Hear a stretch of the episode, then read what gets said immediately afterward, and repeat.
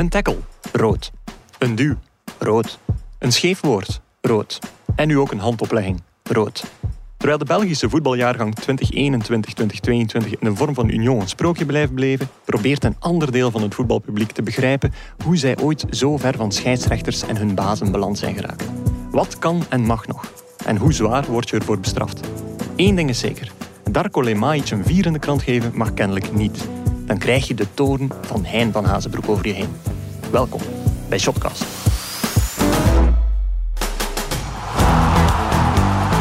Opletten daar, Bezos binnen. Een heel fraaie goal van Anderlecht. De voorzet van Ito, Onuwachu, Onuwachu. Dat is een goede voorzet van Aken met de goal. Dag Gert. Dag Guillaume. Mijn eerste gedachte, Gert. eh, lang geleden precies. Eh, hoe lang is dat geleden dat wij nog eens samen in de Shotcast hebben gezeten? Ehm, ja, blijkbaar dan dit jaar nog niet, of wel? Ik denk het niet. Nee, in 2022. Ik denk het niet. Het is makkelijk na te gaan. Hè. Ik, het is mijn tweede maandag. Jij was er vorige week niet. Nu wel. Dan ah, denk ja, ik van... ja, inderdaad. Ja. Maar dan ligt het toch vooral voor u, aan u als het nog maar uw tweede maandag is. Wow, nu ook niet overdrijven. Ik heb wel wat specials gedaan. Hè. Ik, ik wou eigenlijk net zeggen, mijn beste wensen. Ah, maar ja, daar is veel te laat mee. Zij er zo'n type dat dat nog graag zegt? Zo, ik kan u niet zeggen een maand en een chic eh, na eh, nieuwjaar. Maar zo de ik ben eerste dat meestal dagen. 2 januari al terug vergeten. Ja, Om dat tegen mensen te zeggen. Ik kan er eigenlijk ook zo niet tegen. Zo beste wensen zo op, in februari. Dat... Ik, het zijn effectief mensen die dat tegen mij doen. Serieus? Ja. maar dan menen ze het wel. Hè.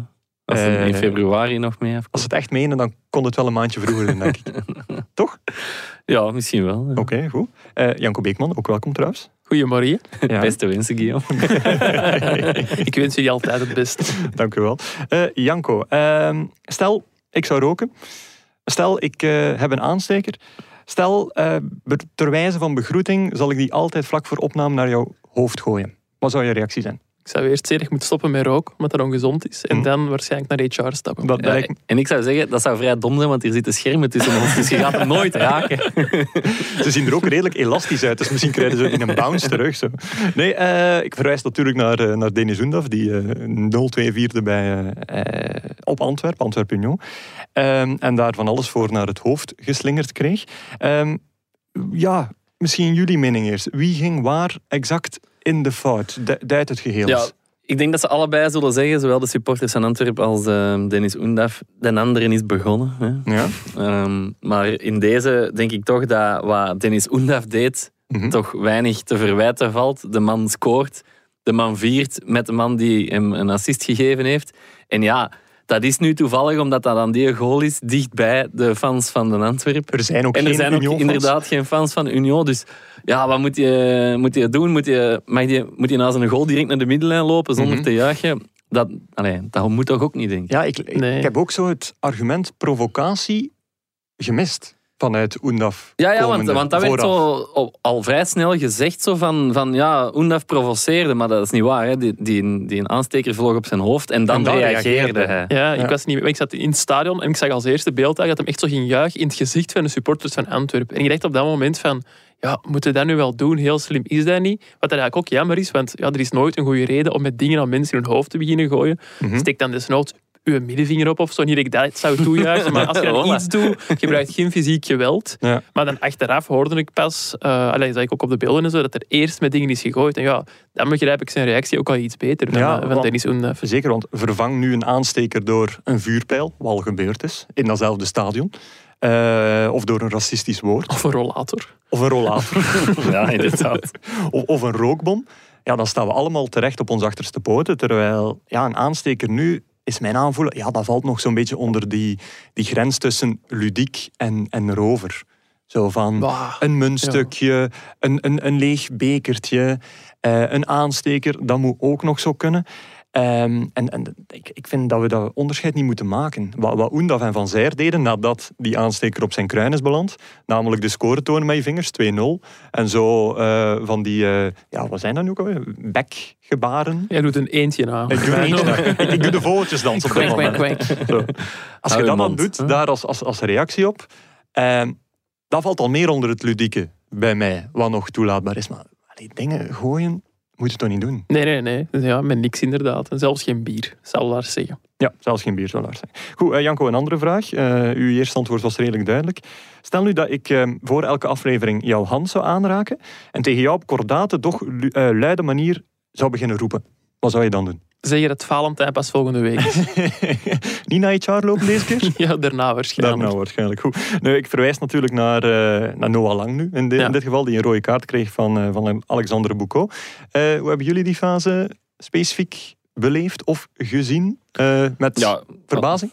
Ehm, ik dacht toen van ja, te- mijn eerste reactie was van ja, hij gaat iets heel vies gezegd hebben tegen de scheidsrechter. Ja. Dat was mijn, mijn eerste gedachte, want visueel was er niet, niet allee, bleek er niet veel aan de hand, Mhm, hè? mhm. ook niet op de herhalingen. Dus. Ja, maar dat blijkt dan niet het geval. Ik was ook zo wel aan het wachten op de reacties van de Club Brugge speler, omdat ik kei benieuwd was van wat heeft hij dan eigenlijk gezegd? Ja. Dat dit super grof geweest zijn. En dan kwam Charles de Ketelaar zo kei eerlijk vertellen. Ja, hij heeft blijkbaar zijn handje aangeraakt. en dat was dan zo dun uitleggen. Dat vond ik heel bizar. Als dat echt daarom, als dat, als dat de reden is. Op zo'n eh, heel lieflijke manier, alsof er schoolfeest voor 15-jarigen is geweest en nadien in de klas moet uitgesproken, uitgepraat worden. Zo, zo op die Ja. manier. Ah ja, hij heeft mijn handje aangeraakt. Daar deed het aan denken. Ja. Nee, eh, ah, wel, op Twitter hadden we een oproepje gedaan over wat zeker een aflevering eh, vandaag moest zitten. Eh, dit zat er uiteraard in. Eh, in een iets andere vorm. Mensen waren al met pikvorken en vuurtortsen eh, naar ons aan het komen en, en de slogan aan het gebruiken. Kaartenonkunde van de refs aan. Maar dat de- is de, die een tweet van kaarten onkunde van de refs aan, dat is uw, uw schijnaccount waarschijnlijk. Die, die. Ik ben echt two-face. Hier, hier neem ik het een beetje voor Ja. op. En anderzijds probeer ik het vuurtje gewoon maar aan te wakkeren. Dat klopt. Nee, maar dat hebben we vorige week trouwens al gedaan. We hebben gezegd van gasten, als je het opgelost wilt krijgen, fluit consequent. Wat- veel makkelijker gezegd is dan gedaan natuurlijk. Maar ik zou mij na alle gebeurtenissen van dit weekend eerder ja, willen richten naar de scheidsrechtersbazen. Ehm, met de boodschap van ja, help uw refs. Die hadden we nog niet gehaald. Nee. Hij kent die persoonlijk in de Bertrand. En, eh, Ja, ja, sowieso, sowieso. Ze nodigen mij ook elke maand uit op de koffie en de laatste drie maanden wordt dat gewoon telkens uitgesteld door corona. maar ze weten dat alleen jij gaat komen misschien. Wat een awkward gesprek zou dat dan zijn. Nee, maar like voor het Nicolas Loforge wordt nu bedolven onder kritiek voor zijn veel te snelle rode kaart voor Noah Lang. Eh, terwijl hij wel in het begin van het seizoen te horen heeft gekregen van die eigen bazen, een van de richtlijnen is, als er ehm, agressie in alle vormen, groot, klein, naar refs is, of er is veel commentaar, direct bestraffen. En bijvoorbeeld op de eerste speeldag kreeg Ruud Vormer een heel snelle gele kaart ehm, voor commentaar dat toen al dat duidelijk aantoonde. En ehm, Laforge doet dit nu. Hij, bestraft het op een heel eh, stevige manier. Hij krijgt ook kritiek omdat Tarek Tissoudali dan geel kreeg, terwijl hij een mooie boodschap op zijn, eh, op zijn shirt toonde. Maar ook hier, ja, doet hij dat niet, dan wordt hij daar wel door zijn scheidsrechtersbazen op aangesproken. Want eh, ja, dit is een duidelijke regel. En de mensen die hem quoteren nadien, want die krijgen een eh, quotering na elke wedstrijd, die kunnen nog zoveel eh, ja, empathie creëren. Zij kunnen niet anders dan deze regels te volgen en te zeggen van oké, daar zijn in de fout gegaan. We gaan hier een puntenaftrek voor doen. Dus ik roep eerder op om de scheidsrechtersbazen ja, toch eens mee die refs te helpen en dergelijke. En, en ze nu niet te laten zwemmen. Want Laforge, allee, die, die gaat volledig over, ja, over zijn toeren. Hè. Die was de pedalen kwijt in dat laatste stuk. Eh, rode kaart van Ja. Lang op de basis van de gegevens die we nu kennen, lijkt gigantisch overdreven te zijn. Maar ja, help ze toch een beetje. Want nu ontstaan, er ontstaan zo weer complottheorieën. Eh, we kregen eentje door van, eh, van Mamadou, denk ik. Een ja, luisteraar van het eerste uur. Die, die zei van, ja, kijk een keer naar de, al die statistieken. Eh, ja, door Laforge heeft Club Brugge al drie rode kaarten gekregen. Of hij heeft er al drie gegeven dit seizoen. Ja, dan denk ik, wat zegt dat exact? Visser heeft bijvoorbeeld al vier keer rood gegeven tegen een tegenstander van Standaard, in een match van Standaard. Is Visser dan plotseling pro-Standaard?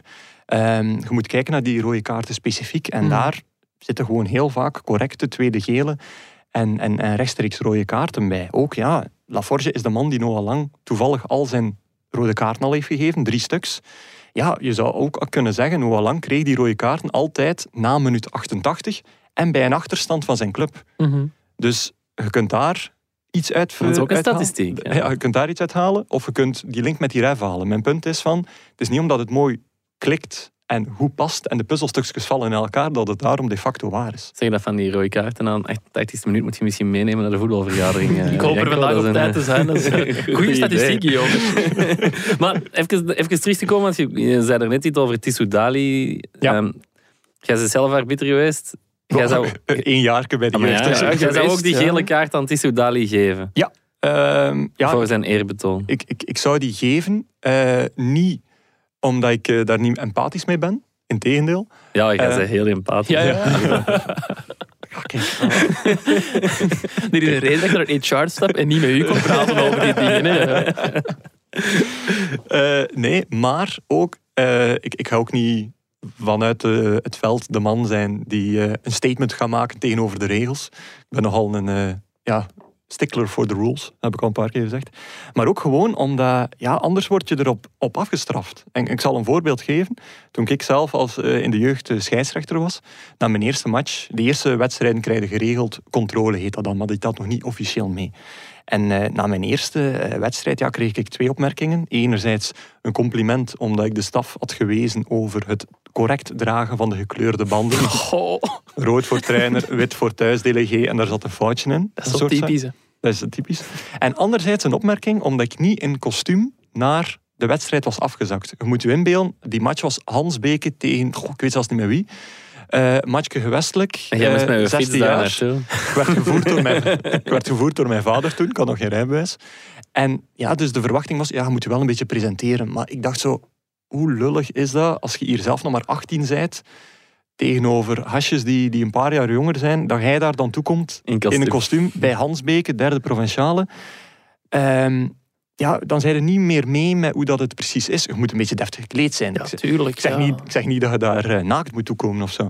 Maar ja, Gewoon ineens in uw, in uw outfit. Ja, ik was zo- zelfs al kom jij in uw jogging, alleen in uw trainer van, van de bond of zo, zouden de spelers u minder serieus nemen, denk je? Nee, dat, dat heeft daar niets mee te maken. Dat is gewoon zoiets van, ja, je moet deel zijn van die scheidsrechtersgroep. En het punt is, eh, op zo'n niveau word je dan doorheen het seizoen twee of drie of vier keer gecontroleerd. En als je daar één controle even wat minder hebt, ja, dan moet je effectief weer een half jaar wachten tegen dat je promotie kunt maken naar een hoog niveau. En als je zeker in het begin niet vroeg genoeg promoveert, dan weet jij al na één of twee jaar bijvoorbeeld, ah ja, mijn plafond is, ik mag nog zo goed zijn, dat zal eerst amateur zijn. Omdat ik anders te laat Daarom in eerste klas al ga. na een jaar gestopt is. Het enige wat ik nog even wou de van Tissou Dali, ik vind dat zo... Mhm. Ik begrijp wat dat je zegt, hè, dat hem ervoor bestraft gaat worden, Laforge, als hem, als hem die gele kaart niet geeft. Ja. Maar die scheidsrechterbazen, dat zijn dan toch ook mensen, die moeten dan toch ook wel kunnen beseffen van ah ja, oké, hier was nu echt wel niks mis mee, hier moeten we de, de Nicola toch niet voor gaan bestraffen. Allee, dat, dat begrijp ik gewoon Nee, niet zo wel, goed. Ik denk de oplossing is omdat, ja, het probleem is, de Belgische regelgeving luistert ook naar de Europese. En die ligt niet wakker van eh, een speler van agent die dat nu net gedaan heeft. Ja. Dus zo, dat watervalsysteem komt uiteindelijk dan neer tot, tot vierde provinciale. Wij liggen op dit moment ook niet wakker van misschien een gelijkaardige situatie die dit weekend een vierde provinciale is geweest. Dus ik zou zeggen, help uw refs niet alleen door, eh, eh, ja, door zelf een keer te spreken Mhm. en eh, luid te zeggen hoe dat het in elkaar zit. Maar denk dan eens ook na om die regels een beetje te nuanceren bij de FIBA, bij Ah, eh, de IFAB, sorry. Want dat kan misschien wel wat, Want die regel destijds, ja, die was vooral voor politieke zaken ingevoerd. Hè, dat er geen politieke boodschappen waren op de shirt. Niet? enkel Nee, ik- schudt van nee. Nee? Ik heb, het, eh, ik heb het opgezocht, ik kan mijn gsm er even bij pakken. Die regel, hè, dus de regel dat spelers hun truitje niet mogen eh, uittrekken bij het Ja. vieren, is ingevoerd in 2003. Ja. En die kwam er in het belang van het hooghouden van de discipline. Dus blijkbaar waren er heel veel spelers die dan gewoon ja, hun, hun torso Ja. wilden laten zien en zo. En dat, ja, dat zag er dan blijkbaar niet uit volgens de FIFA. Spelers waren hun torso Ja, laten zien. dat is effectief de, re- de, de reden daarvoor. was een, ik heb artikels uit die periode gelezen en ze vonden dat niet kunnen, de scheidsrechterbasis. Er is een hele studie geweest en zo. En dat verstoorde dus de orde op het veld en daarom is dat verboden. Dus het ging niet om, om politieke boodschappen of, of gesponsorde boodschappen of zo. Dat was niet het probleem. Maar gewoon dat dat de, de, de, de FIFA-basis stoorde op dat moment. Het stoorde hen gewoon. Ja, en dan denk ik gewoon van, dat we vandaag nog altijd met die regel zitten. We zitten toch wel met ergere pro- problemen dan dat. Ja, inderdaad. Ik, ik weet, er was wel op een WK zo eens een, een Ghanese die zo echt zo een, een leeuwenmasker van onder zijn shirt of van, van, vanuit het publiek haalde. En dan denk ik van, oké, begrijp ik wel dat je ergens paal en perk wilt trekken. Anderzijds, ik dacht, erg is dat? ja? ik dacht enkel van, ja, zo die valse politieke neutraliteit die de FIFA wil eh, naar voren brengen, dat dat eigenlijk de reden was. Nee, nee, nee, maar, dus maar- eigenlijk ook omdat Omdat liefdesbrieven en toestanden op shirts, eh, dat vonden ze dus ook storend. Blijkbaar. Maar dat moet toch kunnen, inderdaad, vind ik. Als je nu wilt zeggen, I love you mama of iets anders. Wat is daar nu mis mee? Je kunt dat nog altijd afspreken dat je geen haatdragende of gesponsorde boodschappen Ja. op je trui- truitje laat zetten. Dat begrijp ik dan nog. Maar de rest, ja, waarom niet? hè? Dus laten we gewoon de regel een beetje versoepelen. Ja, en dan, graag. dan heb je veel oplossingen. Denk het wel. Dus dat, Maar eh, hoe omschrijven we dat dan? Als het spel stil ligt, mocht je je shirt uittrekken. je behoudt de huidige regel en dan... ja, maar ja, hè, en, en dan, en dan Ja, ja. vanuit de regelgeving is het ook niet makkelijk om te omschrijven. En daarom pakken ze ze gewoon maar te veel dat niet mag. Om Ja. dan die kleine dingen die ze niet willen ook te verbieden, mag er nu veel niet. Dat Maar- is het ja, beetje- ja, dat is waar. verduidelijk dan wat, wat die boodschap moet zijn. Bijvoorbeeld geen haatdragende, dan heb je nog steeds een ruim containerbegrip. Ja. En ik denk nu niet dat Rayan onder een haatdragende boodschap ja, valt. nee, als, als dan boodschap. Tissou Dali, ehm, als dat een, een Arabische haatdragende boodschap is, dan weet Laforge niet of, wie, wie, ja, of het haatdragend is. Moet hem dan geel trekken of niet? Een extra verantwoordelijkheid voor het vak. Ja, je. Zwat, eh, we zijn aan het afwerken. Ja, eh, het is tijd dat we eens over, eh, over voetbal beginnen praten, denk ik. Het is goed dat zo dat, dat refmomentje zo vroeg valt. Dan eh, ben ik nog fris en monster. monster, monster. Monster, heel fris. nee, dus mijn, mijn, mijn hele stelling valt, eh, valt er niet. We gaan overgaan naar, eh, naar de aflevering. Elke week vragen onze vrienden van Biewen zich af wat er te onthouden valt van het competitieweekend. En wij, wij geven hen maar wat graag het antwoord. Ja, ik ben al wakker van zes uur, dus eh, het, het wordt pittig. Eh, Janko, eh, vorige week een heel mooi uitgebreid relaas dat je vertelde Dank u. over hoe dat het eraan toe... Ge- Gewoon al complimenten in ontvangst nemen zonder dat ik zeg wat, over wat dat gaat. Pak wat er te pakken valt. Over de mixzone van Antwerpen dus. Mooi inkijkje, Mhm. mooi verslag. Mooi ja, verhalend verteld. Eh, wat blijkt nu? Antwerpen heeft laten weten dat dit stande PD met onmiddellijke ingang wordt afgeschaft. Dus geen mensen of camera's of ik weet niet wat meer tussen veld en kleedkamer. Ja, klopt. Allee, het is niet heel duidelijk gecommuniceerd of zo. Het was eigenlijk gewoon het, het mailtje dat we altijd voor de wedstrijd krijgen met ons ticket en zo en de info over de Ja. perszaal en de parking. Stond zo ergens onderaan in een zinnetje. Ja, in het eh, eerste half uur na de wedstrijd, denk ik, eh, mogen er geen, mag er geen pers niet meer binnen in de spelerstunnel, in de mixed zone. Ehm, een officiële communicatie over waarom dat, dat is beslist, is er, Ja. is er dus niet geweest. Maar in de wandelgangen viel wel te horen. De Het, eh. In de wandelgangen Oh, ja. viel wel te horen. Ik laat mij vertellen dat... Nee, nee, maar ja, de wandelgang. Het is ook de wandelgang. hè. Nee, in de wandelgang mogen we dus nog wel komen, gewoon niet in de ja, oké. En daar viel dus eh, te horen dat die eh, beslissing mee is ingegeven door Eleven, omdat er in de tender van het tv-contract staat dat er in het eerste half uur van... eh, dus, nee, nee, dat is niet waar wat ik zeg. Dat er tijdens de live-uitzending Ja. van Eleven alleen door Eleven zelf, dus door de rechtenhouder, beelden mogen worden gemaakt in de spelerstunnel. Dus die zijn een beetje jaloers dat Sportweekend en, eh, en VTM en zo, dat die net dat soort stukje eruit pikken Ja. en dat schoon tot een verhaal kunnen brengen, terwijl zij eigenlijk al het geld neerleggen om die rechten te hebben. Inderdaad, want VTM heeft bijvoorbeeld ook een filmpje gemaakt van Paul, Paul Gijsens die ja. boos de kleedkamer van Antwerpen eh, buiten kwam. Maar, Dus, dat is dus, hallo 11, ja. ja, dat is wat er te horen viel in de wandelgangen. Dus ik heb dan nog eens naar Eleven zelf gebeld om te vragen van, ah, klopt dat? Maar blijkbaar zeggen ze dat ze nooit zijn geconsulteerd door Antwerp over deze beslissing. Dus ja, het zal wel gewoon Antwerp zijn dat erop gewezen is van, ja, eigenlijk mag het er eigenlijk niet. Eigenlijk mag je geen volk filmen en in die zone zijn op dat moment. En die hebben dat dan maar aangepast. Maar zo flauw Dus op zoveel Antwerp- niveaus eigenlijk. Antwerpen wil dat niet, maar wat, wat doen ze nu dan met de zogenaamde Diamond Bar? Voor de mensen die het niet kennen. ja. Antwerp heeft, toen ze de nieuwe tribune openden, een, een heel mooie bar gemaakt. Juist. Met ja. een glasraam dat uitzicht heeft op de spelerstunnel. En dat verhuren ze dan of zo, ik weet het niet. Eh, maar moet die dan ook dicht?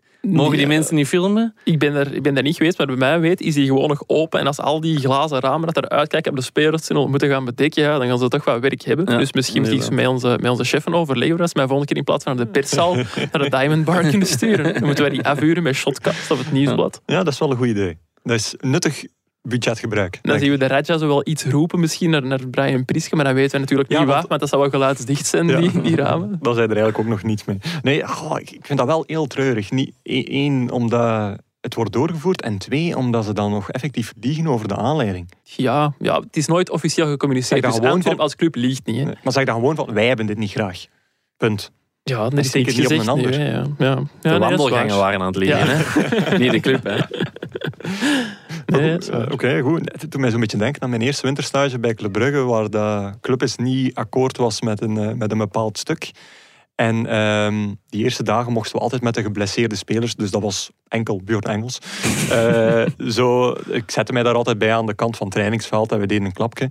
En dan plotseling, de dag na het verschijnen van de artikel, ehm, we zaten daar weer. En na vijf minuten werd hij eigenlijk door de perschef weggehaald op vraag van eh, mensen eh, aan het trainingsveld.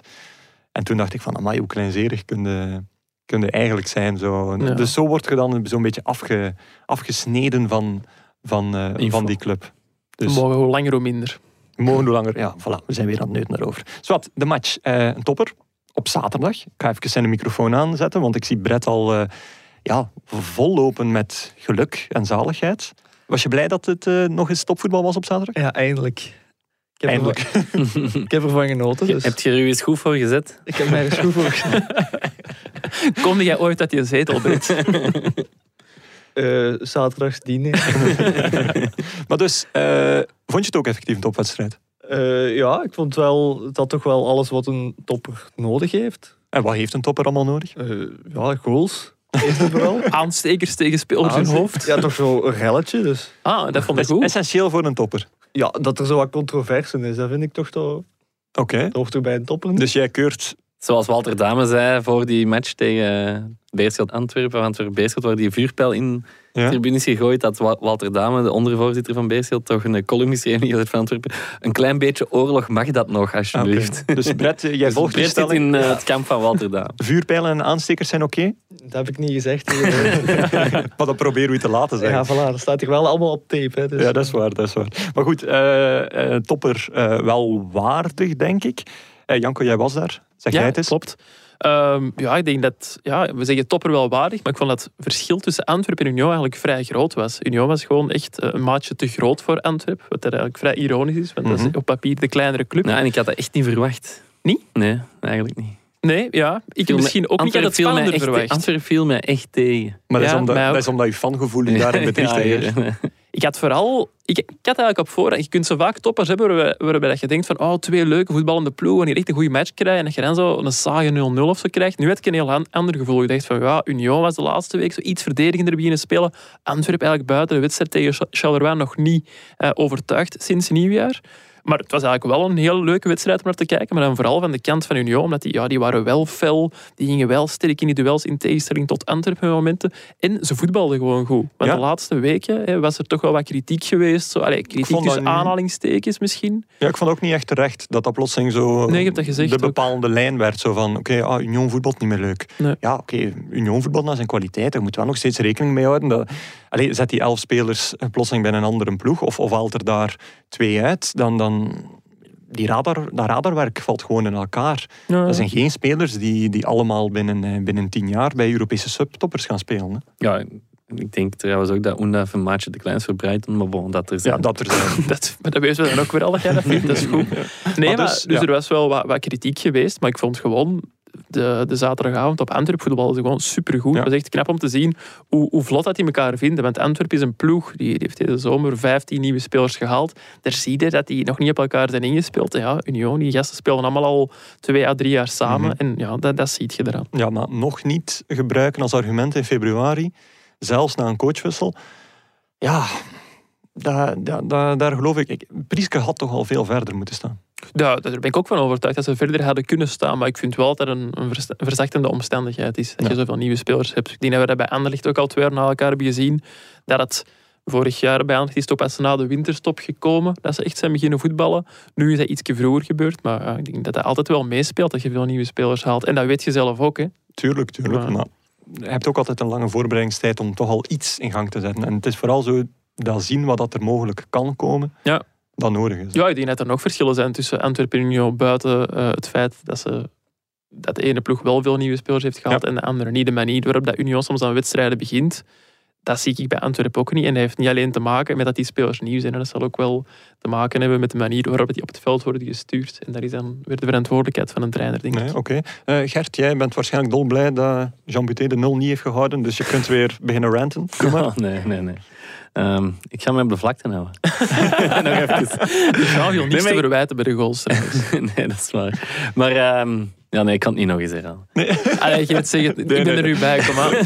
hij, moet het, hij moet het niet herhalen. Nee. Zijn, zijn vriendschap met Jean Buté is groeiende. En Ja, maar niet. we hebben ook eh, blijkbaar veel gemeenschappelijk, heeft Janko vorige week gezegd. Dus misschien moet ik er toch eens mee gaan fietsen. Hè. Met, samen met de Gunter erbij, want hij sp- sprak over fysiotherapeut Gunter, waar hij hem af en toe mee ging fietsen in het interview met, met dingen. De fysiotherapeut van Antwerpen? Ja, Ja, hij Ja, zei dat- dat, dus- er een kine is bij Antwerpen die ook heel hard van fietsen houdt. En ik, ik had aan Buté eigenlijk ook in het interview de vraag gesteld van ehm, als Antwerpen nu kampioen wordt, kom dan met de fiets van Lille naar Antwerpen. Omdat hij ook zo dus van fietsen houdt. En dan zei hij, ah ja, misschien Van kan ik Lille dat samen... van Lille? Rijssel. Lille, Oké, goed. Frans. Spijtig En, eh, voor hem. eh. Ja, nee, dat zei hem dan ook van, ah, er is toch ook een Lille in Antwerpen, Ja, kan dat misschien doen? Niet gelezen? Duidelijk het stuk niet gelezen. Leuk. Ik ga even een kop halen. Nee, en dan zei hij van, eh, de Gunter, onze kine, is ook een grote koersfanaat, misschien kunnen we het samen doen. Maar nu blijkt dat die Gunter, de, de, de masseur eh, slash kine, ook ooit de, de benen van Geert Gijssen heeft gemasseerd. Oei. Ja, dus ja. En toch nog goed, goed terecht gekomen. Geert Gijssen of de kine? Beide eigenlijk. Allee, dus eh, de, de vriendschap met Jean is nakende. ja, ja, ik denk het. Oké, goed. Nu, ehm, Allee, als hem eh, er niet afrijdt op, eh, op een bergje. ja, dat denk ik nu wel. Dat denk ik ook wel. Ja. Goed, maar dus de eindconclusie sportief. Ja, Antwerp, nog, nog wel wat werk voor de winkel. Union, ja, het gevaarlijke vierluik. Hebben ze niet enkel overleefd, ze hebben daar gewoon met ja, grote of zelfs grootste onderscheiding bijna doorgekomen. 10 op 12 tegen eh, Genk, Club Brugge, Anderlecht en Antwerpen. Nul keer verloren, drie keer gewonnen, één keer gelijk. En als we spreken over goed voetbal, het is een beetje bij de haren getrokken. Maar in elk van die wedstrijden hebben ze ook meer expected goals gecreëerd. Dus zijn ze op papier de gevaarlijkste geweest, of toch zeker niet dat ze zwaar hebben ondergelegen. En ook als je met je ogen kijkt naar de match, zie je dan natuurlijk zelf ook dat ze het eigenlijk vier keer buiten Genk ehm, altijd redelijk goed ehm, in de hand hadden. En dat is gewoon, dat is gewoon straf. Ja, dat is straf. Maar jij gaat nu... ja, nee, ik vraag me eigenlijk nu echt af of dat die kampioen gaan worden, hè, zoals heel België zich dat nu afvraagt. Ja. Ik denk nog altijd eigenlijk dat ze dat de play-offs in gaan nekken. En niet, niet omdat ze nu 10 punten voorsprong gedeeld door 2, 5 voorsprong. Dat zullen ze nog wel misschien kunnen houden. Maar ik denk dat ze geen 10 voorsprong gaan houden tegen, het, Oké. tegen dat de play-offs begint. Ehm, Want als ze tien het voor... moeilijkste Ja, komt eigenlijk nu, denk ik, echt wel voor Union. Die tegen, laatste acht matchen. Ja, tegen die ploeg. Die, die hebben nu... Ik heb het gevoel dat die nu even overperformed hebben, die vier matchen. Mm. En dat mis- het gevaar schuilt er nu in dat, dat, ze, dat ze, ze moeten dat wel nog acht matchen kunnen volhouden.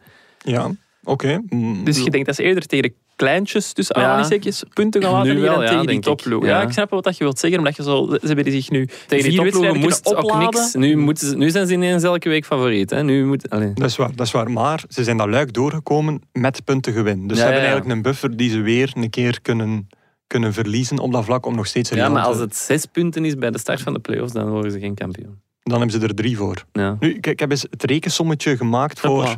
Stel dat ze 10 punten voorsprong hebben, dus 5, dan denkt je 5, alles kan nog. Nu ja, dit jaar, net zoals vorig jaar, Champions Playoffs zijn geen 10, maar slechts 6 matchen. Dus Mhm. er zijn maar 18 punten te winnen. Dus dan kun je al zeggen van met 13 op 18 zijn je altijd safe. En als je het gemiddelde van puntenaantal dan een kampioen in de normale play-off 1 pakte, dat is ongeveer 21, 22 op 30. eh, omrekend naar zes wedstrijden, kom je aan een 13 op 18. Stel dat Union vijf punten voorsprong heeft, dan zit je al zijt je met een 8 of 9 op 18, de helft van de punten. Dus gaat je er al heel, heel, heel dichtbij zitten. Dat is uitgaande van gemiddelden. Hè. Maar ja, maar dan moeten ze wel inderdaad die, die kloof van 10 dan moeten ze die houden. behouden. hè. Maar als ze dat Mhm. doen, dan denk ik van, oké, dan is het eigenlijk binnen. Dan is het ene keer, ene keer winnen, want dat betekent dat een andere niet wint. Hè. Ja. En dan... Allee, Standaard heeft ooit een keer een 26 op 30 gehaald in eh play-off 1. Maar verder, ja, komt de rest niet hoger dan een 24 op 30. Hè. Ja. Dus je kunt veel winnen, maar iedereen verliest ook wel een keer. Hè. Ja, en als je 18 op inderdaad. 18 pakt in Champions Playoffs, dan zijn je gewoon terecht kampioen. Het zou toch ja, tof zijn. Allee, zo iets speciaal kun je er altijd wel tof. En na 25 jaar na Na Lierse SK. Ja. Dat is waar. De vraag is alleen, ja, nu nog acht matchen tegen kleintjes. Dan nog zes matchen in, eh, in eh, Champions Playoffs. Want ze gaan sowieso meedoen tot het einde, dat weet je. Wat gaan we er in godsnaam nog allemaal over moeten schrijven?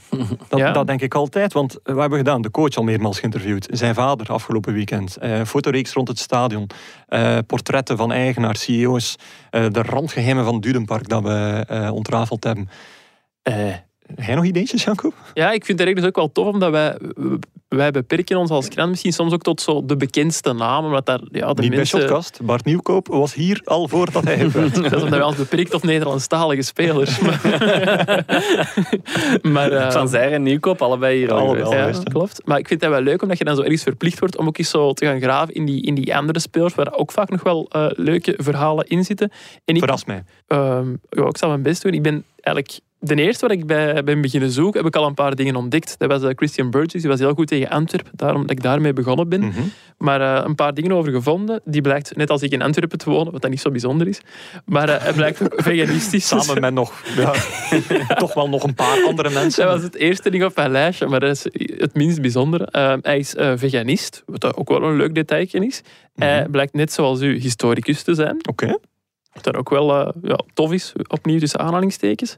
En dan als laatste, eh, hij is blijkbaar vorige zomer gaan helpen in Calais. Vrijwilligerswerk gaan doen met migranten. Dus dat is wel alleen een mens volgens mij met, met, ja, Bagage, met inhoud. verstand, met bagage. En iemand dat ik wel eens zou willen spreken. En was Oké. eh, cultfiguur bij ehm, Portsmouth. Ja, inderdaad. Want in de, de reeks Sunderland Till I Die, die, die spelen er een paar keer tegen Portsmouth, komt hij blijkbaar ook geregeld aan bod. ja. Ja. Oké. Ja, aan bod, in beeld. Ah, die heeft hem ook eh, geïnterviewd, was, Ja? maar dat heb ik Ah, misschien oké. verkeerd begrepen.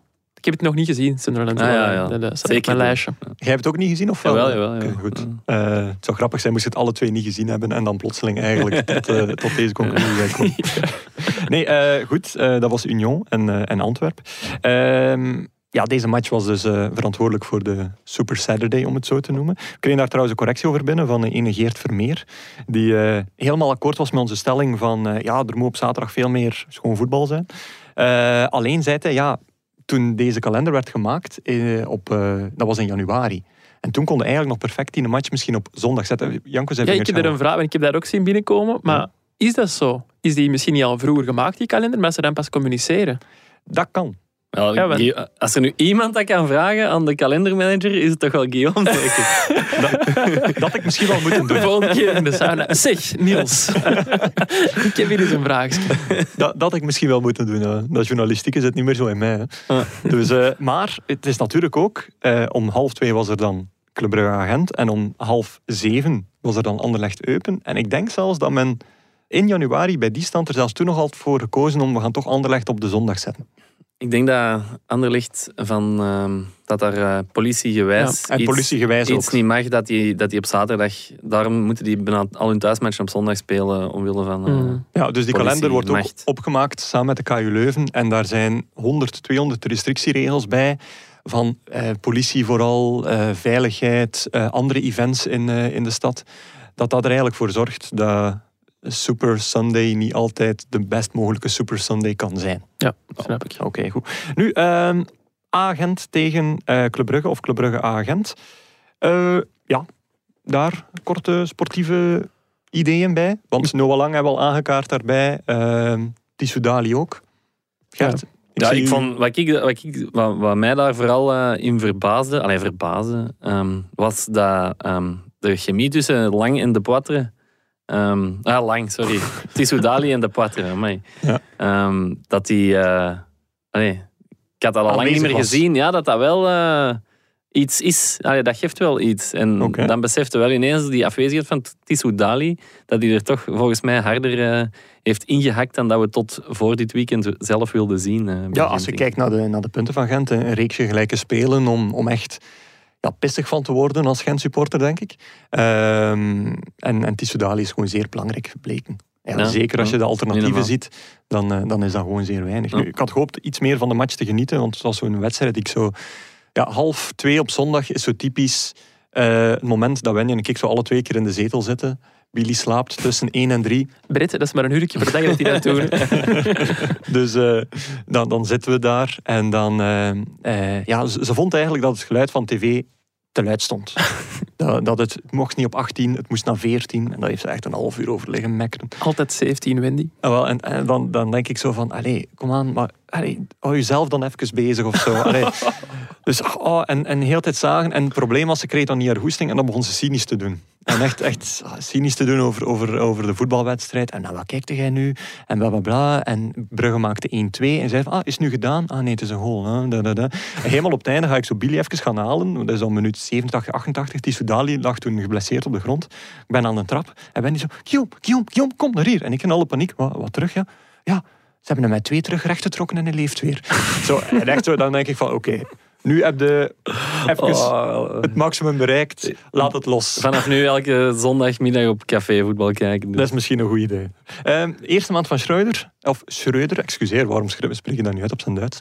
Eh Schreuder, wat vinden we daar eigenlijk van? Want, zoals je zelf zegt, ik herken de mooie dynamiek tussen de Patre en ehm, Lang. Ja. Nee, Tissoudali. Ja.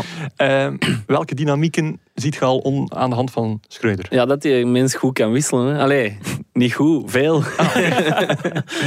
Die- ja, dus, dus die, hij deinst er niet voor terug om, op, eh, om tijdens de rust te wisselen. Dat doet hem bijna elke week Dat ik altijd wel leuk. Die- dan Deze coach week. Vormer en, eh, en Dost alweer eh, tijdens de rust naar de kant gehaald. Maar wat hem nu deze week... Allee, het gevolg is dus wel, als je al vroeg wisselt en je schuift al wat...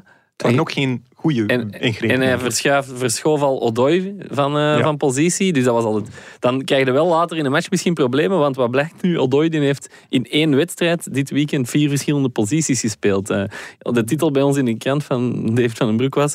eh, van links naar rechts, van voor naar achter. En van, dat, van, ook, van dat liedje. En zo was het ook echt. Linksbak, rechtsbak, zes. Ja, het is eigenlijk en- rechtsbak. en Linksbak was op het einde, denk ik. Maar Oké. bon, eh, zat, maakt niet zoveel. Allee, het is de gimmick die telt. Ja.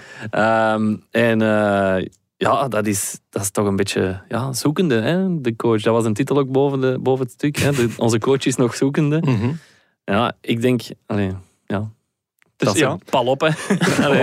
Odoi, een beetje de David Alaba van Club Brugge, die ook eh, als een paspartout gebruikt werd eh, Ja. of wordt bij Oostenrijk. Eh, hij al overal gestaan, behalve in de goal, want ja, iedereen weet, Gert, ja, dat is niet echt een positie Dat is natuurlijk die waar. meetelt. Ja, dat Ehm, kan maar iedereen.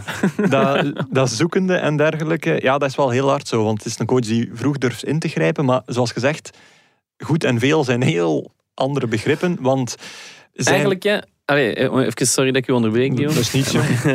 Eigenlijk is, ehm gaat Schreuder nu stilletjes aan ontdekken wat Clément al ontdekt had. Ja. Dat je niet met Vormer daar kunt spelen. Oh, allee. Snap je? Die is nu... Ja. Maar hoezo moet je dat nog ontdekken? Had je dat dan niet gezien als je wedstrijden van je nieuwe ploeg herbekijkt? Ja, een nieuwe coach, een nieuwe coach heeft nieuwe wetten en die heeft altijd een nieuw idee. Namelijk van, ik zal het wel doen op mijn manier, want die Mhm. werkte altijd. En ik ben blij dat je Clément aankaart, want ik ben een beetje blij dat dit nu gebeurt, als je Philippe Clément zijnde zijt. Want er was zo'n heel hard out with the old, in with the new gevoel, waarin dat alles wat Clément gedaan heeft, toch zo'n beetje plotseling met argusogen, zo, ja, het was toch op, hè. hij ging het toch niet, niet meer kunnen keren. En Club Brugge heeft zeker niet zijn beste resultaten eh, neergezet eh, in die laatste weken of zelfs maanden van, van Clément.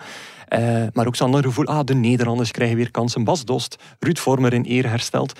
Maar nu heb je zoiets van, ja, Clément had dat misschien toch wel al goed gezien. En dat zeiden we ook destijds dat hij het al goed had gezien. En het is een gevoelige beslissing geweest. Maar ja, ik denk dat het eh, moeilijker en moeilijker voor, die, voor de Nederlanders zal worden om het effectief eh, ja, onder een landgenoot dan wel beter te doen dan onder Clément. En ik ben blij voor Clément dat, dat, dat zijn legacy daardoor toch weer een beetje in, ja, in hogere stand komt. Want we Ja. spreken wel over iemand die drie jaar op rij met twee verschillende ploegen kampioen is geworden. Uiteindelijk bewijst dit ook wel dat Clément net op tijd vertrokken is. Hè? Want als dit, deze zwanenzang, zal ik het noemen, onder Clément zou gebeurd zijn, ja. ja, dan was die zijn reputatie helemaal af, alleen nog verder Ja. afgebrokkeld. Ja. Dan waren ze misschien niet komen halen Monaco. inderdaad. Trouwens, dit weekend Clément 2-0 gewonnen van Lyon Ja. in Monaco. Ah, mooi. Krijgt Na veel positieve start. commentaren in eh, Frankrijk over- over het eh, voetbal van Monaco Oké. trouwens. Nog steeds veel contact sinds uw aanwezigheid daar bij de presentatie? Waar is veel, hè? Eh, goed. Niet dus. Jawel, ik heb ja, wel, wel nog gehoord. En ik krijg elke week een mail van de perschef van Monaco, maar dat is niet de Philippe zelf natuurlijk. Ah, en eh, wat, zegt, eh, wat staat er daarin? De planning, wanneer Ah, ze trainen en wanneer het persconferentie is en zo. Maar je zijn nog nooit een keer op de bots kunnen langsgaan waarschijnlijk. Ja, We zijn al langs geweest. hè. Maar op de bots nadien. Op de bots, dat ken ik niet. Op de, eh, zo een keer, ah, ik ga snel een keer gaan kijken. Ja, snel naar Monaco, dat gebeurt niet Ah, zo dikwijls. Oh, kijk, maar ja, als je niet van het begin mee bent, dan, Nee, dan nee, ja. kunnen we Sorry. niet op inpikken. Goed, eh, dat was Club Brugge. Eh, Agent was eh, sterk, tactisch duidelijk georganiseerd. Eh, deed het ook ja, net als in de bekerwedstrijd in Midweek eigenlijk goed tegen club. Al kregen ze deze keer dan niet het deksel op de neus. Ehm, dubbel jammer wel. Ik wou even kijken hoeveel punten Darko Lemajic nu gekregen had. Maar ja, hij is maar ingevallen in minuut 90. En zoals iedereen weet... je Veel moet- te laat in voor een beoordeling. dan krijg je veel te laat in voor een beoordeling, omdat je minstens een kwartier moet, eh, moet spelen. Maar ehm, ja, Darko ja. is wel de persoon van de week geworden tegen wil en dank. Dat moeten we misschien uitleggen, want je hebt dat in je inleidend woordje ook al gebruikt. Ja. Eh, onze collega Koen van Uitvangen die is eh, vorige week in de aanloop naar de bekermatch van eh Agent tegen Club Brugge naar de Mhm. persconferentie van eh Hein van Azenbroek geweest. En er was nogal een eh, ja, bewogen persconferentie, zullen we zeggen. Het begon eigenlijk al vrij scherp dat Van Azenbroek zelf het woord nam en tegen, tegen Koen zei van eh, ja, wat dat eh, uw baas daar in de krant heeft geschreven, ik ben het daar niet mee eens. Dat ging dan over een commentaar van Dat Ludo. mag. Dat mag. Ja, en die, die had geschreven dat wintertransfers eigenlijk ja, Niet renderen. niet de- dat dat bewijst dat er in de zomer slecht werk is geleverd door clubs. Daar kwam het eigenlijk in grote lijnen op neer. Maar eh, daarna kwam ook Darko Lemajic ter sprake, inderdaad. De spits die dit seizoen bij Gent al wel wat eh, kritiek heeft gekregen. En eh, ja, Van Aasbroek die wond zich erover op dat uh, in de wedstrijd tegen Antwerp, hè, dus net voor de bekermatch tegen club, een eh, 4 op 10 had gekregen in de Mhm. krant. Mhm. En een, ja, hij vond dat totaal niet kunnen. In de wedstrijd tegen, tegen club werd Lemajic er ook nog eens uitgefloten door zijn eigen supporters. Na een missen van een joekel van een kans. ja, En, en vooral er- op een manier waar dat een beetje technische beperktheid uit bleek te zijn. Ja, inderdaad. En daar wond ja, Van Aasbroek zich op de volgende persconferentie dan ook nog eens over. Want hij vond het ook niet kunnen dat de supporters hun eigen speler uitfloten. Ja. Maar eh, er is toch één iemand die eh, de verdediging van Lemajic op zich nam. hè. Naast Van Azenbroek nog. Gert Vrij. Inderdaad, in zijn panna met eveneens met Koen van Uitvangen. hè. Ja, waarin dat hij zei van ja, ik vond eigenlijk Bas Dost slechter dan, dan Lemajic. En dat is volledig terecht. Eh, allee, alles wat Lemajic nu doet is, eh, is, is, is eh, zwart en niet wit. Ook al is het grijs. Eh, Oeh, dat is wel filosofisch, denk ik. Daar gaan de mensen een keer over moeten nadenken. Kun je dat nog eens herhalen, want het komt niet helemaal door. er, is op iTunes en, en op Spotify een 15 seconden terugspoelknop. Misschien nog eens doen als je het hier helemaal meezet. Eh, nee, maar het probleem is gewoon... eh, ja, Lemajic, zijn, zijn basis is gewoon te laag voor de agent. Dat is het zo. Ja. En hij wordt daardoor als een symbool voor be- beperkte scouting, Mhm. eh, zwak aankoopbeleid, wordt hij daarvoor ja, voor opgesteld. Ja. En daar heeft de supportersgarde en veel mensen die dat aankaarten gewoon een punt Mhm. omdat die echt gewoon heel snel, eh, zonder echt heel veel achtergrond of heel veel gebruik van de eigen scouting, naar binnen is gehaald. En Ja. daardoor is hij nu daar de dupe van, terwijl hij er ook niet aan kan doen dat hij ja, ehm, te weinig kwaliteiten heeft voor de huidige job op dit moment. Nee, goeie punt. Oké. Eh, wat? wat? Wat toon jij, Gert? Een blokje overslagen misschien. Een blokje overslagen misschien? Eh, ik weet het niet. Nee, ik, ik wou eigenlijk nog eens vragen naar, eh, naar Sinan Bolat zijn positie. Want daar ben ik wel curieus naar, want die zat plotseling op de bank en hij was aanhalingstekens ziek. Ja, hij was zaterdag blijkbaar vertrokken van training ziek. Mhm. Maar blijkbaar zou de dokter van de ploeg hem hebben onderzocht. Ja? Ehm, en geen eh, ziekteverschijnsel hebben vastgesteld. Oké. dus wat had de club gezegd, ja, dat heb je er, wel vaak voor bij transferitis. je gaat er zaterdag moeten zijn.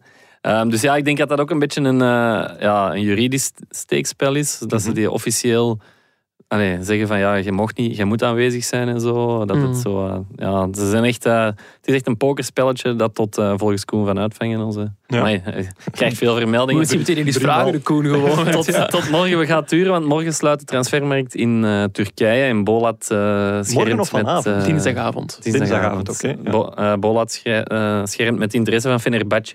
En ik vind het altijd opmerkelijk, want het is elke transferperiode is er zo die een hunker van... Allee, hunker, ik weet niet of het echt hunker is, maar wordt Bolat in verband gebracht met een Ja. terugkeren naar Turkije. En ja, dat, is, dat gaat toch nooit niet weg, precies. Nee, maar Het kan ook zijn om een beter contract af te dwingen bij Gent. Hè, dat hij Ja, nu- tuurlijk. Ja. Like, Leo. Refailov had daar ook een handje van weg. Zo, eh, een van de Maccabi's, eh, Tel Aviv, kwam elke transferperiode Ja, terug om te vragen van, kom er niet af? En op een of andere manier lekte dat ook altijd uit. Mhm. Dus allee, baat het niet, dan schaadt het niet voor, u, voor uw contracten. Nu ja, over die, eh, die wintertransfers. eh, vind het wel opvallend hoeveel dat, dat er ook al meteen gespeeld hebben. Ik heb een keer de berekening gemaakt. eh, bij Club waren het allemaal, bij Gent ook, met Torunariga. Een goeie. Een goeie, ja. En in totaal speelden van de 54 aangetrokken transfers er 32. Dat is 60 procent. En dan moeten daar ook wel een paar eh, covid-gevallen en geblesseerden en geschorsten bij rekenen. Ik vind dat wel een redelijk hoog aantal. Bewijst dat aan het punt van Ludo? Dat er niet overal even goed is gewerkt in de zomer? Ja, ik, ik, ik vraag me af, eh, er wordt enerzijds gezegd, mensen hebben tijd nodig om in te lopen, bla bla bla. En anderzijds, oh ja, meteen voor de leeuwen werpen. Dan denk ik van, ja, de wintertransfer, die kun je net die tijd geven. En Ja. ja, is het dan zo schrijnend, zeker bij Club Brugge, is het zo schrijnend dat je die vier nieuwe spelers direct substantieel veel speeltijd moet geven? Dat, dat denk ik nu ook weer niet. Ik denk dat Schreuder gewoon heel snel zijn eigen hand daarin probeert te leggen.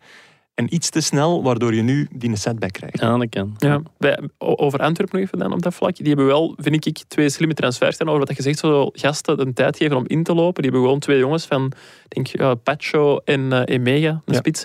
Die hebben niet gespeeld. 20 en 21. En het idee is daar gewoon achter van, heb je een half jaar tijd om, om in te lopen, om de groep te leren kennen. En, Ja. zo. en dan volgend seizoen kunnen die hopelijk eh, in de spelen. En als ze vroeger klaar zijn, ja, des te beter. Ja, dat is inderdaad goed. Ehm, de hamvraag nu. Wie had er nu eigenlijk de Champions Playoffs? Want we hebben zekerheidje Union, 60 punten. En dan ja, Antwerpen 50, Club Brugge 48, Anderlecht 45, Charleroi 43, Agent 40. Niemand van hen is veilig, denk ik dan. En Agent heeft zich eigenlijk al heel hard in de voet geschoten. Dat, dat wordt moeilijk. Maar wie zien jullie? Ja? Ik vind, ik vind het een lastig, want ik ben zoiets gaan kijken naar de programma's van al die ploegen erachter. En als er nu één zou zijn die een kei makkelijk programma had, zouden we kunnen zeggen, ja, die zullen het wel halen. Maar ze hebben allemaal nog wel een, een paar lastige wedstrijden, ook nog tegen elkaar spelen. Mhm. Dus ja, ik zou misschien zeggen, ik hoop Charleroi, omdat ik die als met een dark horse heb genomen begin dit seizoen. Maar dat zou dan weer heel opportunistisch zijn. Dus dat zal ik dan niet We doen. hebben het toch maar mooi gedaan. Ja. En ondertussen heeft hem eigenlijk niks gezegd. Hè. Nee, dat ja. wordt een goede politiek. Ik kijk ja. naar Gert. hè. Ah, Neemt hij dan wel eens Ah, wel, ja, ik blijf gewoon bij wat ik al langer zeg. Union Antwerp, Club en Anderlecht. Ehm, De safe choice. ja, ja, Safe bet. ja, ik Het is ook nooit niet goed. Hè, ja.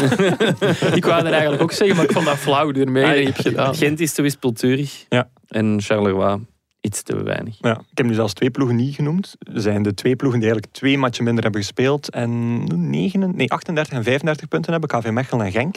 Dus als die zes op, ja, ze kunnen niet alle twee zes op zes pakken, want één van de inhaalmatchen is tegen elkaar. Maar ehm, ja, ik ga van de gelegenheid gebruik maken om Mechelen eh, toch nog als potentieel ploegje bij die vier te zetten. Omdat ze hebben nu 39 punten. Stel dat ze effectief die twee matchen winnen, 45, dan komen ze op een gedeelde derde plek. Ehm, ja, en een ploeg die zo vaak als nummer 7 eindigde in play-off 1. En toen ze eindelijk ze zich gekwalificeerd hadden, denk ik in dat jaar van club, is play-off 1 niet doorgegaan. Hè? Hebben ze het seizoen vervroegd Stonden ze toen in een top 6? Ik Dat denk kan het wel. ja, dat weet ik niet. Ik- dat weet ik niet meer. Of er, er was een optie dat, dat KV Mechelen dan eindelijk bij kon zijn. Eh, mensen mogen mij daar gerust op corrigeren. Ehm, maar ja, het is het ideaal moment om nu eindelijk hier iets over KV Mechelen te zeggen. Ja, laat En- u gaan, zou ik zeggen. Want Ah, wel, KV Mechelen is eigenlijk heel vreemd als je naar de statistieken kijkt, want dat is de ploeg met minste expected goals gecreëerd over het hele seizoen. Dus Oei. minder dan Beerschot, minder dan Serrain, minder dan, eh, dan ik weet niet wie allemaal. Eh, en redelijk afgetekend zelfs, met drie, drie volle goals. Op papier zouden ze maar 26 hebben moeten maken en in praktijk heeft het 42 keer gescoord. Hoe Dus kan je, dat? je zou denken van gigantische efficiëntie. Natuurlijk, efficiëntie speelt daar wel eh, een beetje een rol. En dat het een soort chanceploeg is. Maar als je dat dan combineert met de beelden, wat je altijd moet doen, statistieken en beelden, dan, eh, ja, dan zie je eigenlijk dat, dat KV Mechelen eh, ja, een beetje de grenzen van dat model aantoont. Expected goals, ja, de, de cijfers die bij ons komen, dat wordt allemaal een beetje op een hoop gegooid. Hè. Strafschoppen daarbij, corners.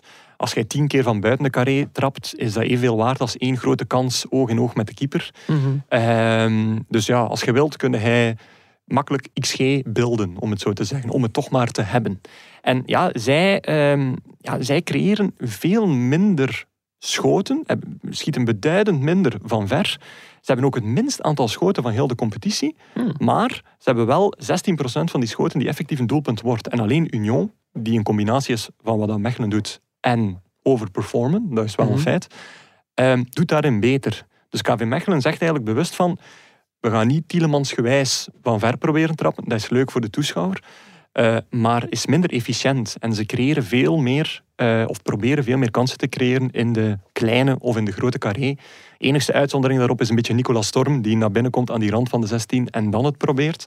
Eh, maar dat is ook zo'n danig Arjen Robben wapen dat je dat wel moet proberen. Ja. Maar voor de rest is dat, ja, probeer eens op die manier te doen. En ehm, ja, daardoor eh, scoren ze zoveel eh, en eh, staan ze nu waar ze nu staan. Oké, ja, dat is interessant. Ja. En het enige wat ze nog moeten doen is, is verdedigend ja, een beetje even goed proberen doen. Want ze krijgen ook nog steeds evenveel potentiële kansen tegen als een degradatiekandidaat. Ze staan daar onderaan ook te bengelen met Messerin, met anderen. Ehm, en dan denk ik van oké, daar nog proberen aan werken. Het is niet makkelijk, want ze hebben wel een beetje een verleden van, van iets te trage centrale verdedigers. Eh, en, en die wel, allez, als die op hetzelfde niveau kunnen zijn als Wilder middenvelder, genre Rob Schoofs, dan, eh, dan denk ik wel dat ze er zeker bij gaan zitten. En eh, ja, mocht ook niet vergeten, KV Mechelen won in hun eerste match tegen Antwerp, verloor nadien tegen Eupen en Serijn. Dus als je spreekt wisselvallig Gent, Ja, Heeft ook wel thuis tegen Union gewonnen. heeft ook wel thuis tegen Union gewonnen. Maar qua wisselvalligheid kan dat wel tellen. En nu de laatste tijd gaat dat er een beetje uit. En dat, is, dat mag de Malinois van eh, hoopvol stemmen. bij deze. Bij deze. Goed. Eh, misschien nog één themaatje. Vooraleer dat we overgaan naar eh, de wisselrubriek. Eh, je mocht kiezen. Ofwel de buitenspellijn Standaard Cercle Brugge. Ofwel de door Senegal gewonnen Afrika Cup. Dat is een makkelijke keuze. Afrika Cup. We gaan nu geen kansen niet meer geven. Hè. Het punt is over die buitenspellijn. Nee, nee, we gingen over de Afrika Cup. Hij wordt niks boos. De chef in hem komt naar boven.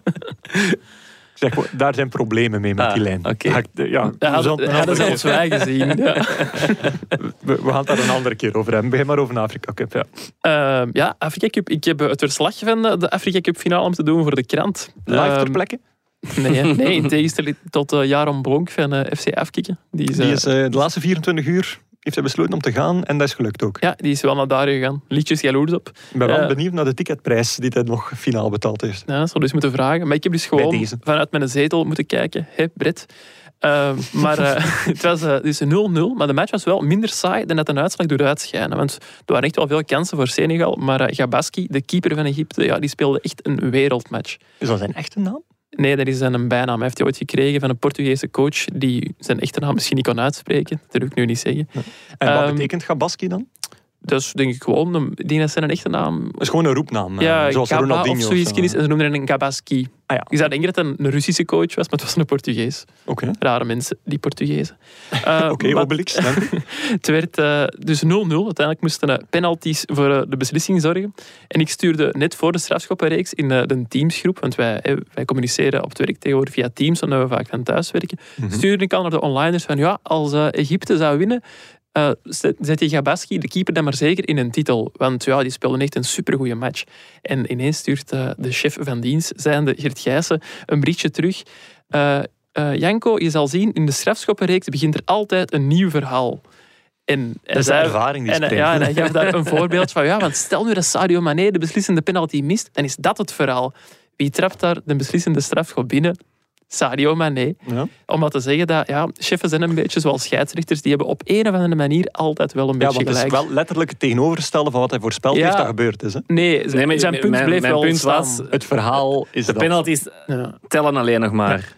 De- Maar wat er in de match gebeurd is, telt niet meer. Ik heb het dan toch niet kunnen laten om Gabaski dan toch nog in mijn verslag te smokkelen, want die mens is wel verkozen Ja, man een van de penalty, wedstrijd. penalty gepakt in de reeks, dus je Ja. had zomaar gelijk kunnen hebben ook Ik, ik was natuurlijk. eraan bidden dat je vijf penalties ging Bijna. pakken, maar... Maar ja, Helaas. Mané is ook wel een mooi verhaal. Hij mist dan een strafschop tijdens de wedstrijd, scoort de beslissende.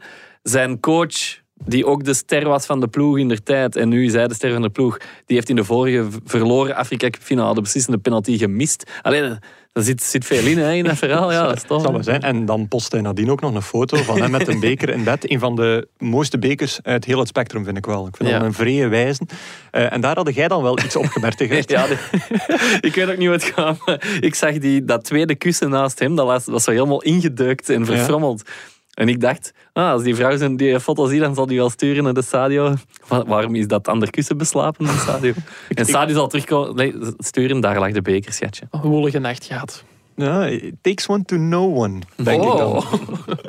Dat is, ja, ik had het totaal niet opgemerkt, maar voor Gert is dat blijkbaar, eh, is dat blijkbaar belangrijk. Eh, Senegal eh, wint, en dat is nog maar de eerste keer ooit, vond ik wel opvallend. Ja, dat klopt. Dat is opvallend ook. Egypte heeft er al... eh, ja, we kunnen er meer op Ja, zeggen. ik zag dat gisteren bij Egypte, die hebben zo Zeven sterren. 27 sterren boven hun dingen. Allee, ja. Het zijn er zeven, Ja. dus. Het zijn er zeven. Maar, Maar ik wist niet dat dat... Speel je dan Afrikaanse competities met die sterren en Europe allee, een wereld-FIFA-competities zonder? Want ja, eigenlijk heb je toch alleen maar een ster als je wereldkampioen bent boven je logo. dat is misschien een goede vraag voor de WK-shotcast. Ja? Als Egypte zich kwalificeert of al gekwalificeerd heeft, Eh, Ja, dat, ik heb dat nog nooit gezien met zoveel sterren. Dus, Nee, dat is een goeie. Ja, ik, het viel mij ook op gisteren, maar dat zou je dus moeten opzoeken inderdaad. Richting eh de WK. We moeten ook eens kijken, bijvoorbeeld, eh, speelt Anderlecht ook dan met al die sterren In Europa. eh, in Europa of in de beker?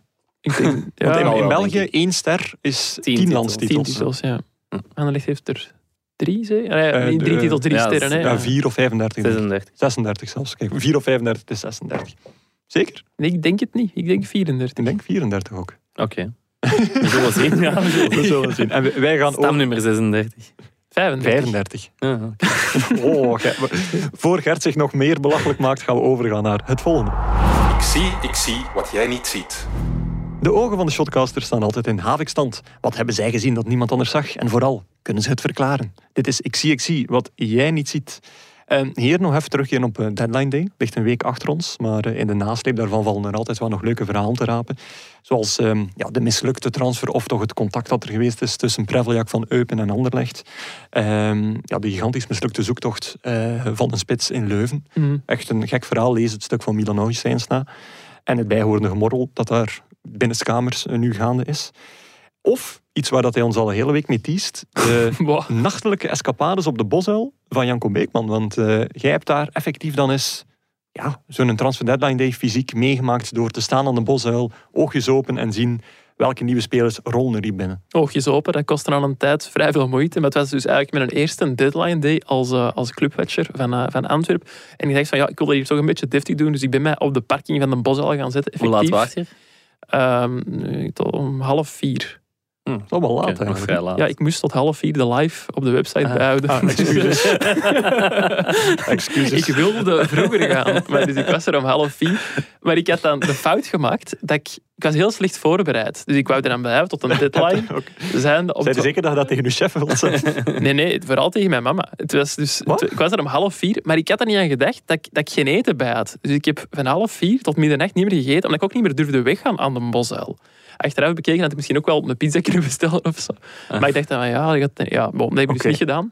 Eh, maar dus lang Zijn gestaan. wel. eh. Ja, absoluut. Maar ik heb er uiteindelijk niet voor niks gestaan, want eh, de nieuwe spits van Antwerpen, waar we het over hebben gehad, Emmanuel Emega, die kwam er nog wel aan. Ik heb er een foto van kunnen maken en zo. Zeker. Dus het is, zeker niet voor niks geweest. Maar ik stond daar ook niet alleen.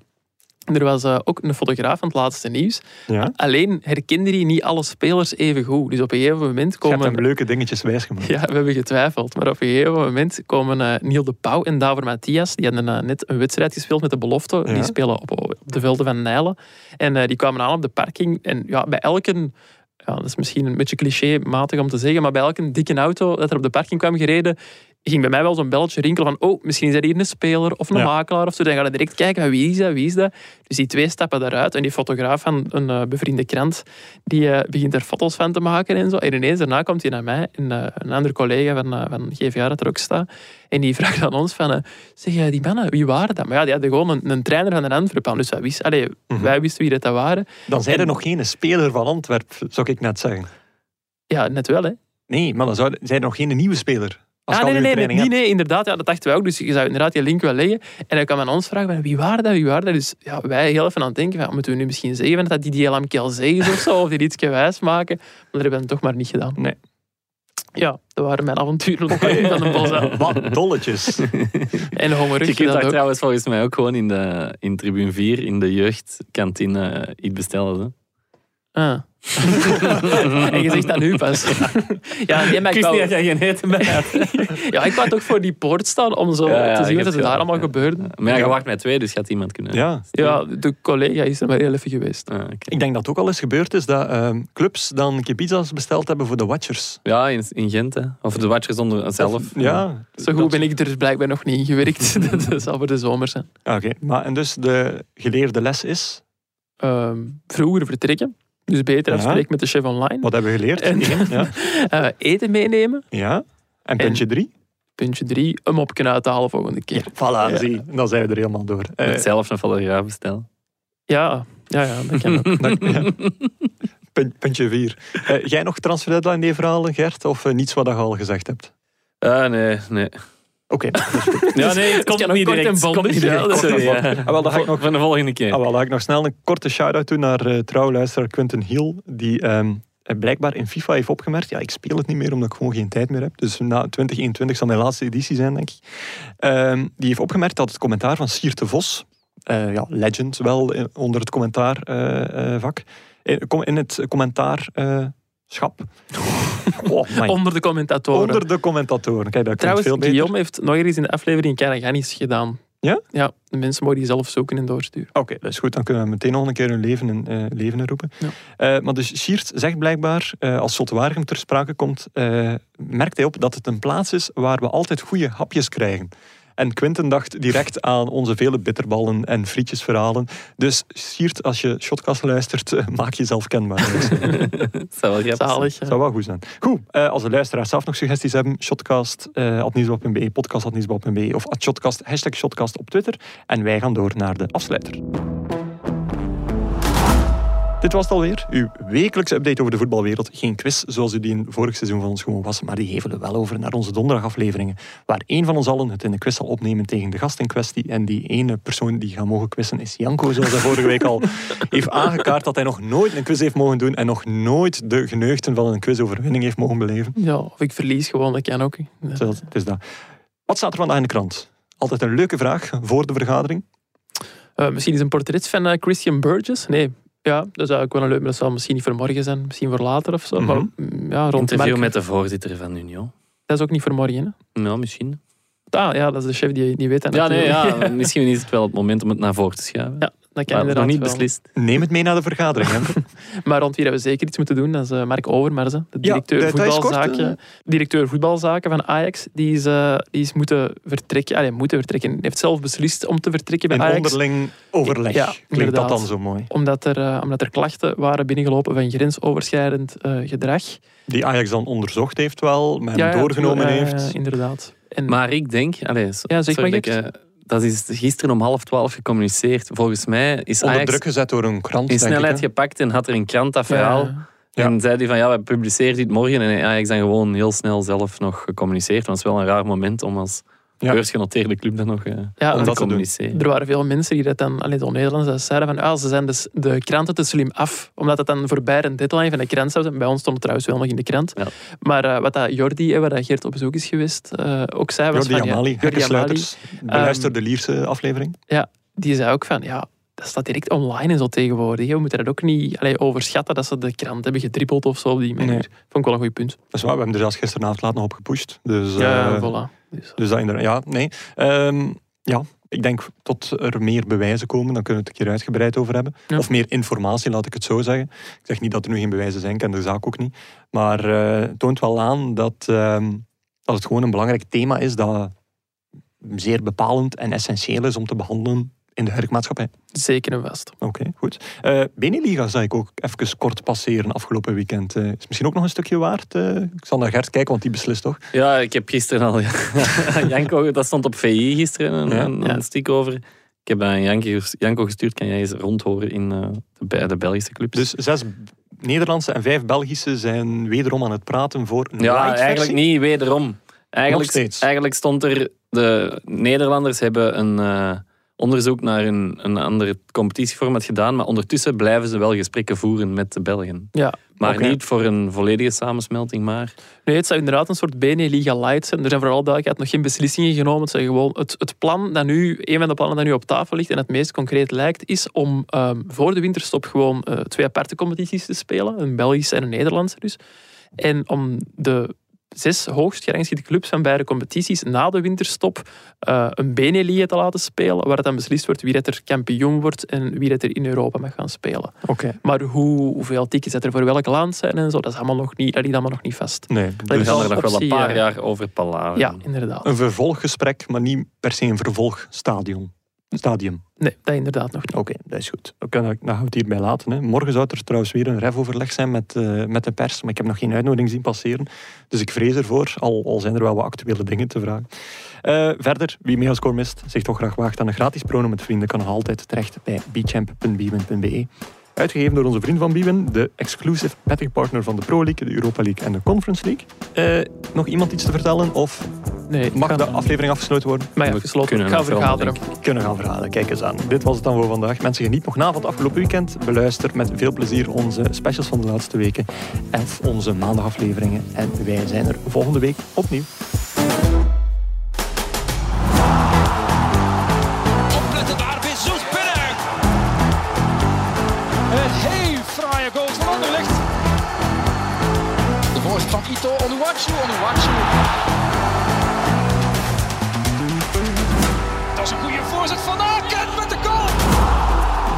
Zin in nog een shotcast? Beluister dan onze Actua-afleveringen op maandag of onze interviews met spraakmakende gasten in onze afleveringen op donderdag. Bij het Nieuwsblad kan u ook nog terecht bij onze wielerpodcast Koers van ons, onze politieke Actua-podcast Het Punt van Van Impe of onze crimi-podcast De Stemmen van Assise. Ook Slimmer Leven en ons magazine Billy kan u niet alleen lezen, maar ook beluisteren.